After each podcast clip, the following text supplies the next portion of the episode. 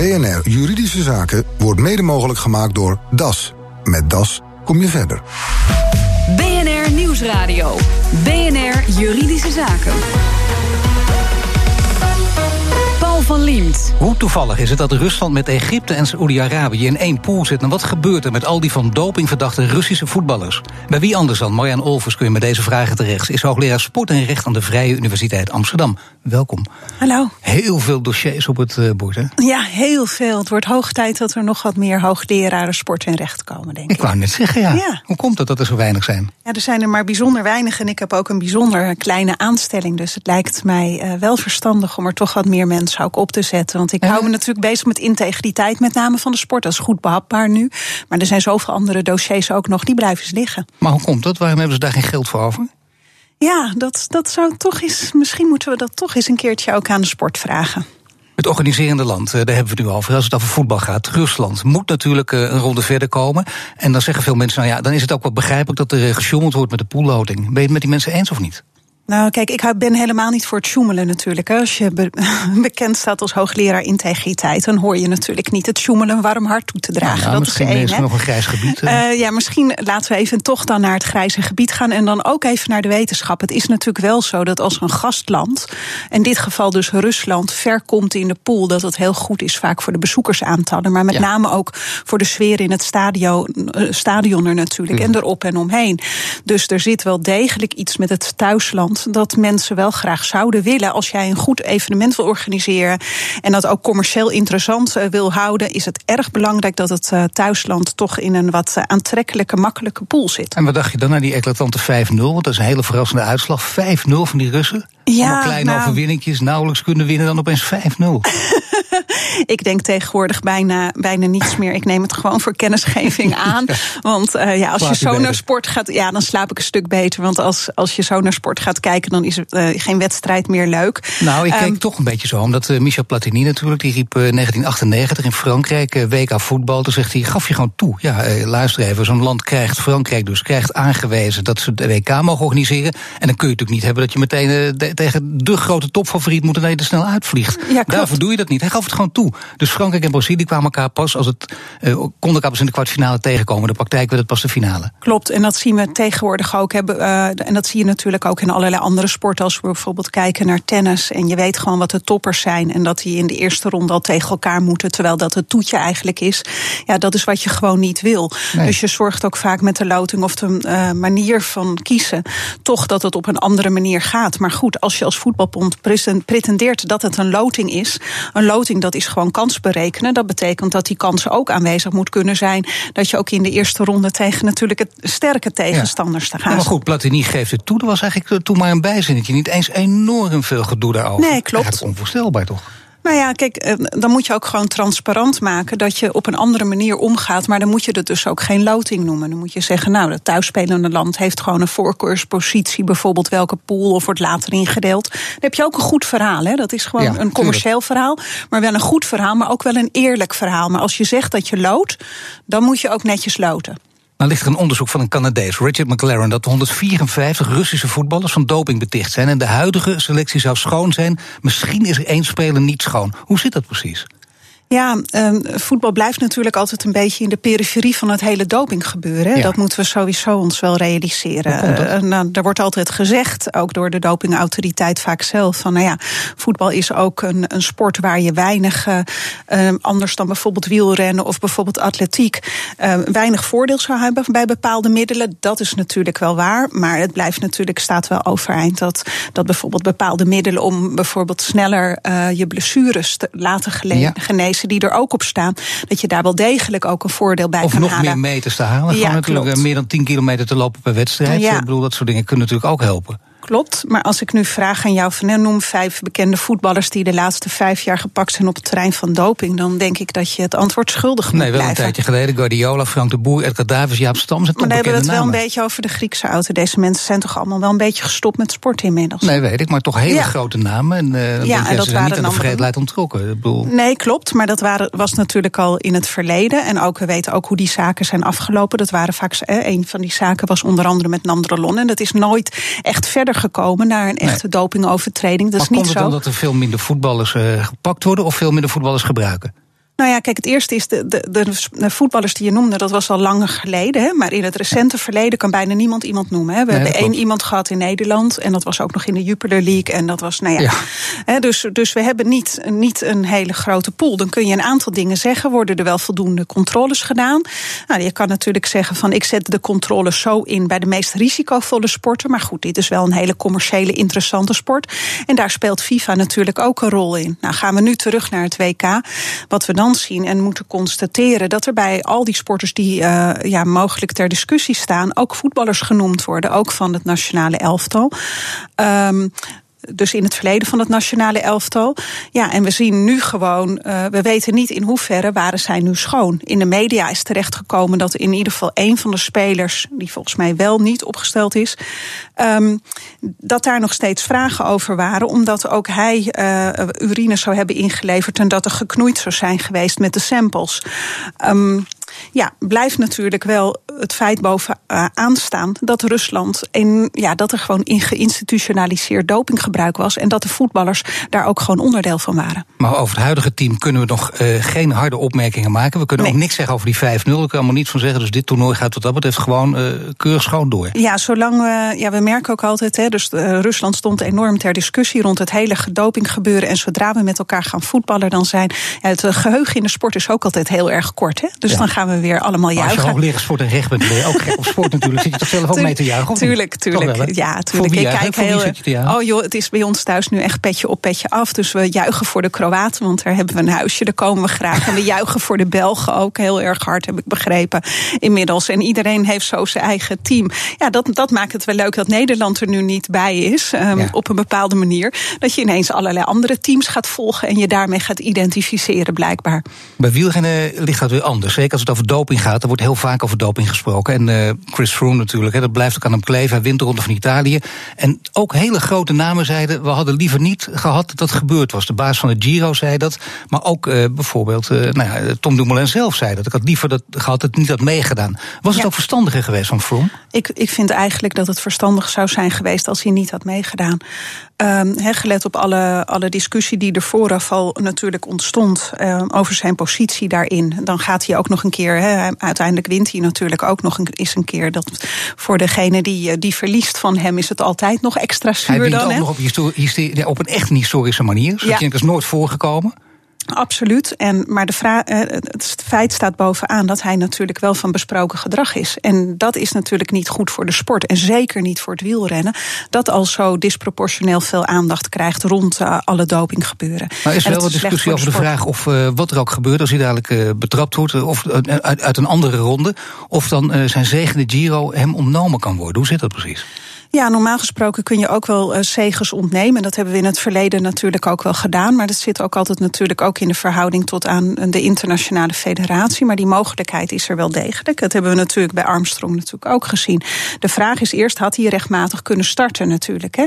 En daar speelt natuurlijk wel wat. Want we hebben hem wel laten starten. Willens en ja. wetens. Terwijl er al zoveel vragen gesteld werden. Ja. En het voelt gewoon, als je kijkt naar het hele dopingsysteem, voelt dat natuurlijk al niet goed. Dat hij, is, uh, dat hij heeft mogen starten überhaupt.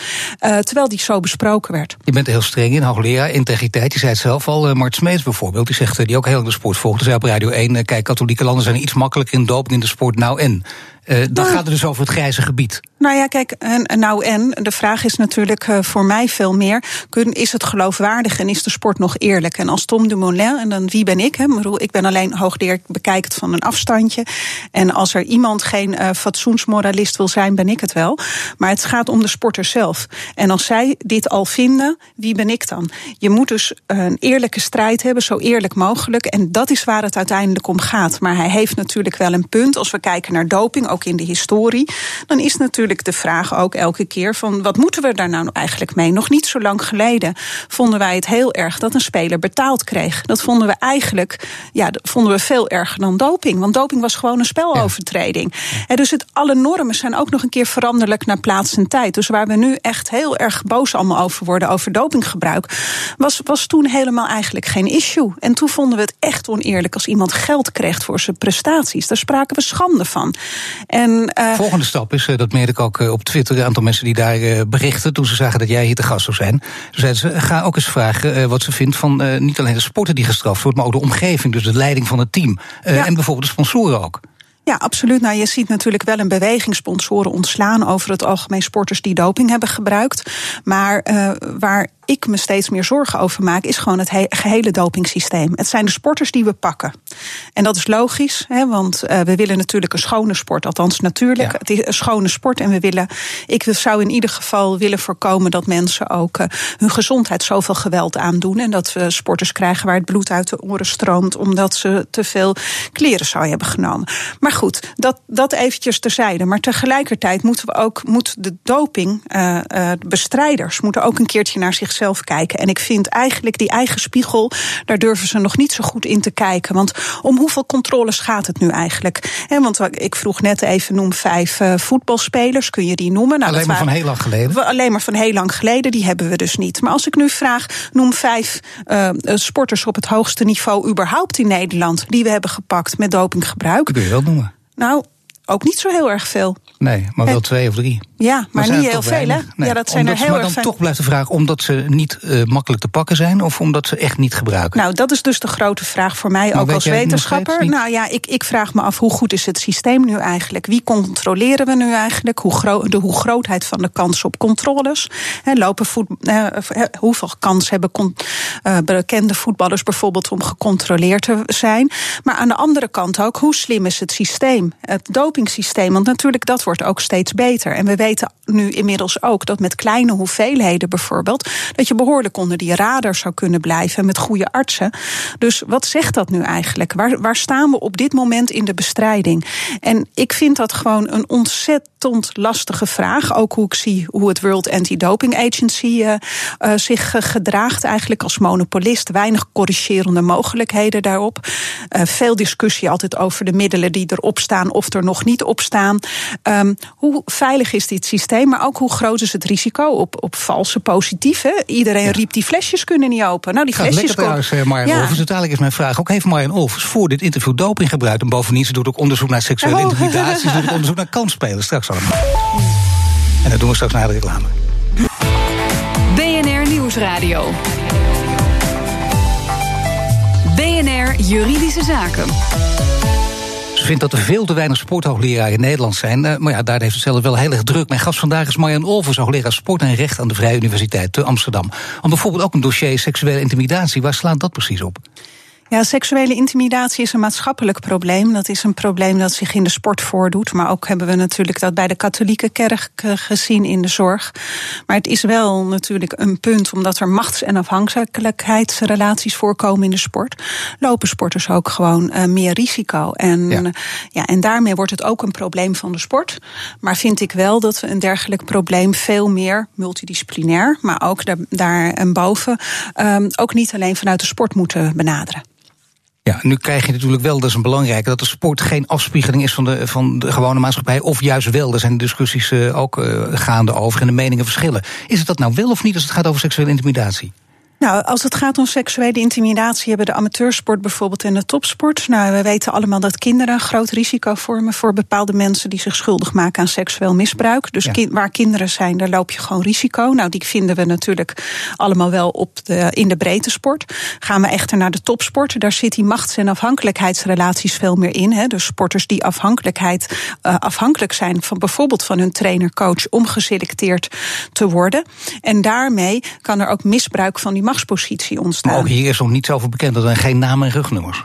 Nou, er zijn wel degelijk. Hè. We hebben Petra de Bruin natuurlijk gehad, die, die naar voren is gekomen in de media. En zo zijn ja, er nog meer ja, goed, topsporters. Maar dan heb je dus ook weer dat je er niet meer dan vijf van noemen, toch? Nou, ik kan er inmiddels een heleboel noemen. Nou, uh, alleen, nou, doe ik niet, omdat een heleboel met mij gesproken hebben. Omdat dit een onderwerp is waar sommige mensen 30 jaar lang mee rondlopen en dat ja, ook dus niet kunnen. Is, je, hebt nu, jij bent met onderzoek bezig ja. en je weet dat het veel vaker voorkomt. De namen kun je nog niet noemen, maar dat gaat op een gegeven moment wel gebeuren. Nou, het is aan de mensen zelf of ze überhaupt uh, naar, naar voren willen komen, Natuurlijk. of ze dat willen doen. En uh, een aantal mensen zijn dermate beschadigd dat ik ook vind, ja. dat zelf ook vind dat het niet verstandig is om, om bijvoorbeeld in de media naar buiten te gaan. En waarom Als niet? je dat niet. Nou, bij sommige media gaat het gewoon hartstikke goed. Want er zitten gewoon mensen omheen die dat met heel veel respect doen. Maar vaak kunnen mensen ook niet overzien wat het allemaal met je doet. En als het eenmaal bijvoorbeeld op internet staat. Ik heb een jongen geholpen die wilde heel graag uh, zijn verhaal doen in de media. Totdat ik hem zei van nu wil je dat graag, maar beeld je zinnen. Want ik, ik neem niet het besluit, het moet hij zelf nemen.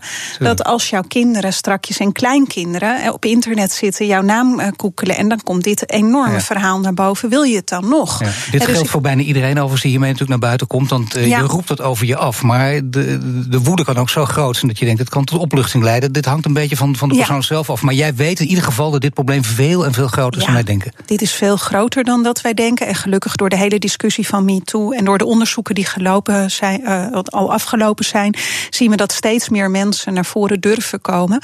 En dat geeft gewoon deze mensen ook rust. Want het allerbelangrijkste is eigenlijk voor iedereen die dit heeft meegemaakt, dat er een bepaalde mate van erkenning is, dat hun verhaal gehoord en geloofd wordt.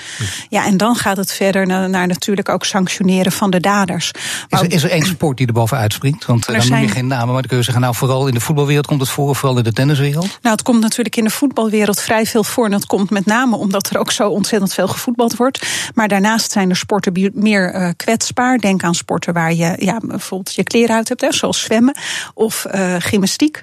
Um, dat zijn sporten toch wel die wat meer kwetsbaar zijn. En we weten ook bepaalde groepen. Hè. Ik doe uh, onderzoek onder andere met Anton van Wijk van Bureau Beker. Die weet veel over daders en daderprofielen en slachtoffers en slachtofferprofielen.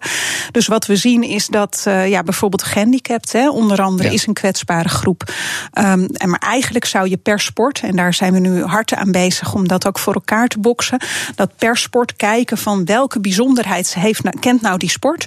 Wat maakt die sport bijzonder kwetsbaar voor bepaalde daders of bepaalde gedragingen? En hoe kunnen we daar dan beter beleid op ontwikkelen? En dan nog iets, namelijk uh, eindigen we natuurlijk met voetbal, omdat uh, FIFA-voorzitter Infantino herzieningsplannen heeft. Hoe serieus moet je dat nemen? Dat hij zegt het transfersysteem gaat rigoureus op de schop en met name zaakwaarnemers wil die een minder grote rol geven. Hè, zodat ze minder die schimmige spelletjes kunnen spelen met hele grote bedragen aan de haal kunnen gaan. Is dat een serieus te nemen plan? Of is Infantino gewoon weer even die FIFA-mensen die je niet serieus moet nemen? Nou, je moet eigenlijk altijd, dat hebben we in het verleden gezien, de macht aan de top um, binnen dergelijke organisaties is vrij groot. Alleen de vraag is natuurlijk, hoe dan? je kunt dit wel beleiden met je mond, maar wat ga je nou eigenlijk maken? Wat verwacht je van Infantino? Want je hebt hem natuurlijk nu een tijdje aan de gang gezien. Ja, is het gewoon een tweede blad er of niet? Ik denk, ik denk Nou ja, ik denk dat in deze structuren altijd een bepaalde mate van bladdertjes altijd wel naar boven komen drijven. Dat is uh, inherent is een, bijna. Een klein bladdertje. Nou ja, ik, ik weet nog niet. Uh, Blatter heeft natuurlijk, uh, die was al zo lang daar op die positie. En we zien eigenlijk wat er gebeurt met mensen die lang en eigenlijk te lang op die positie zitten. Dat machtsmisbruik begint meestal niet van vandaag op morgen. Begint klein, maar groeit uit. Hij begint nu klein. Nou ja, ik, ik weet dus nog niet precies wat, hoe hij opereert. En het is natuurlijk wel een ander type man. Hij heeft wel een andere structuur gemaakt. Maar tegelijkertijd zie je ook wel tendensen. Met name richting de ethische commissie. En hoeveel ruimte die krijgen. Ja, dat gaat gewoon. Uh, straks zullen we dossiers krijgen. En dan gaan we echt zien wie Infantino is, denk ik. Ik dank je wel, Marjan Overs, hoogleraar sport en recht aan de vuur in Amsterdam. BNR Nieuwsradio. BNR Juridische Zaken steeds gingen weer iets anders kapot. Maar al snel was er ook van het vertrouwen in de e-bike weinig over. Nu wil Karel de Koop ontbinden. Het verslag is van Nelleke van der Heijden. Karel Boonzaaier, jij was op zoek naar een e-bike en hebt die ook gevonden. Maar hoe is dat allemaal gegaan? Want je bent niet helemaal tevreden uiteindelijk. Nee, zeker niet uh, tevreden. Ik was op zoek naar een Batavus e-bike. Ben uh, gekomen bij fietsenwinkel.nl. Een afspraak gemaakt in een winkel voor een proefrit. Maar toen ik daar kwam bleek betreffende fiets er niet te zijn. Werd ik al snel gewezen naar een Brinkers wat een eigen huismerk bleek te zijn. Want dat was een goed alternatief? Dat leek een goed alternatief, zeker toen ik uh, al vrij snel bij de aankoop 700 euro korting kreeg. Dus de koop was snel beklonken. Ja, en toen op pad? En? Binnen 10 kilometer uh, was het eerste probleem, uh, deed zich voor. De fietsenwinkel loste het snel op door mij direct een nieuwe Brinkers te sturen. Waarmee ik uh, eerst 800 kilometer probleemloos heb gefietst. Maar daarna deed het ene na het andere probleem zich voor. Eigenlijk 7 à 8 reparaties binnen 7 maanden. Dat klinkt fors. Steeds aan hetzelfde? Nee, het was telkens een ander onderdeel. Uh, dat was ook het probleem. Ik heb fietsenwinkel na drie reparaties gevraagd om de koop te ontbinden. Omdat ik dacht dat het niet een deugdelijk product was. Ik had geen vertrouwen meer in deze fiets. Maar zij gaven aan dat het telkens om een ander onderdeel uh, ging. En uh, dat zij bij elk onderdeel telkens het recht hebben om dit te repareren. Nou ben je inmiddels weer een eindje verder. De fiets is nog een paar keer stuk gegaan. Wat nu? En nu de laatste keer is er wel drie keer een effect geweest aan hetzelfde onderdeel. Namelijk het uitvallen van de motor en de computer. En hebben zij aangegeven toch de fiets terug te willen nemen. Mij geld terug te geven onder een bepaalde afschrijving. En daar uh, kun je wel mee leven? Dat voelt heel erg dubbel voor mij. Aan de ene kant ben ik dan blij dat ik na ruim een half jaar uh, best wel veel gezeur ervan af ben en een nieuwe fiets kan kopen. Aan de andere kant is het wel pijnlijk dat je zoveel gezeur hebt gehad en uh, dat je dan ook nog geld gaat kosten. Hennis van AMS Advocaten. Kan Karel Boonzaaier nou iets tegen deze fietswinkel beginnen? Jazeker. Uh, Karel geniet consumentenbescherming. In de wet zijn allerlei beschermende maatregelen genomen... die uh, Karel in dit soort uh, situaties kan inroepen. Nou is er bijvoorbeeld een discussiepunt. Hij zegt, ik heb geen goed product. En de verkoper zegt, nee, maar er zijn steeds verschillende onderdelen... en we hebben elke keer het recht om dat te repareren. Klopt dat? Ja, als er sprake is van zo'n defect product... de wet zegt een non-conform product... dan heeft de koper uh, bepaalde rechten. Het kan vragen van de verkoper of het product wordt hersteld. Uh, en als herstel niet mogelijk is, dan uh, moet het vervangen worden. Pas als herstel en vervanging niet mogelijk blijven of onredelijk zijn... kan de koper de koopovereenkomst ook ontbinden en de koopprijs terugvragen. Oké, okay, maar dus dan ergens heeft de winkel ook gelijk dat ze eerst mogen repareren? Ja, er is dus een rangorde in die rechten. Het is natuurlijk wel zo dat zo'n reparatie of zo'n vervanging moet leiden tot een product wat wel beantwoordt aan de overeenkomst. En daarvan is geen sprake. Dus had hij al wel eerder kunnen ontbinden? Ja, eigenlijk had hij nadat uh, de fiets vervangen werd en uh, alsnog kapot bleek, had hij de koopovereenkomst toen al kunnen ontbinden. Nou, nu is inmiddels die winkel ermee uh, akkoord om te gaan ontbinden, maar begint nu over een gebruiksvergoeding. Is dat terecht? Nee, dat is niet terecht. Het consumentenrecht is erop gebaseerd dat de consument beschermd wordt.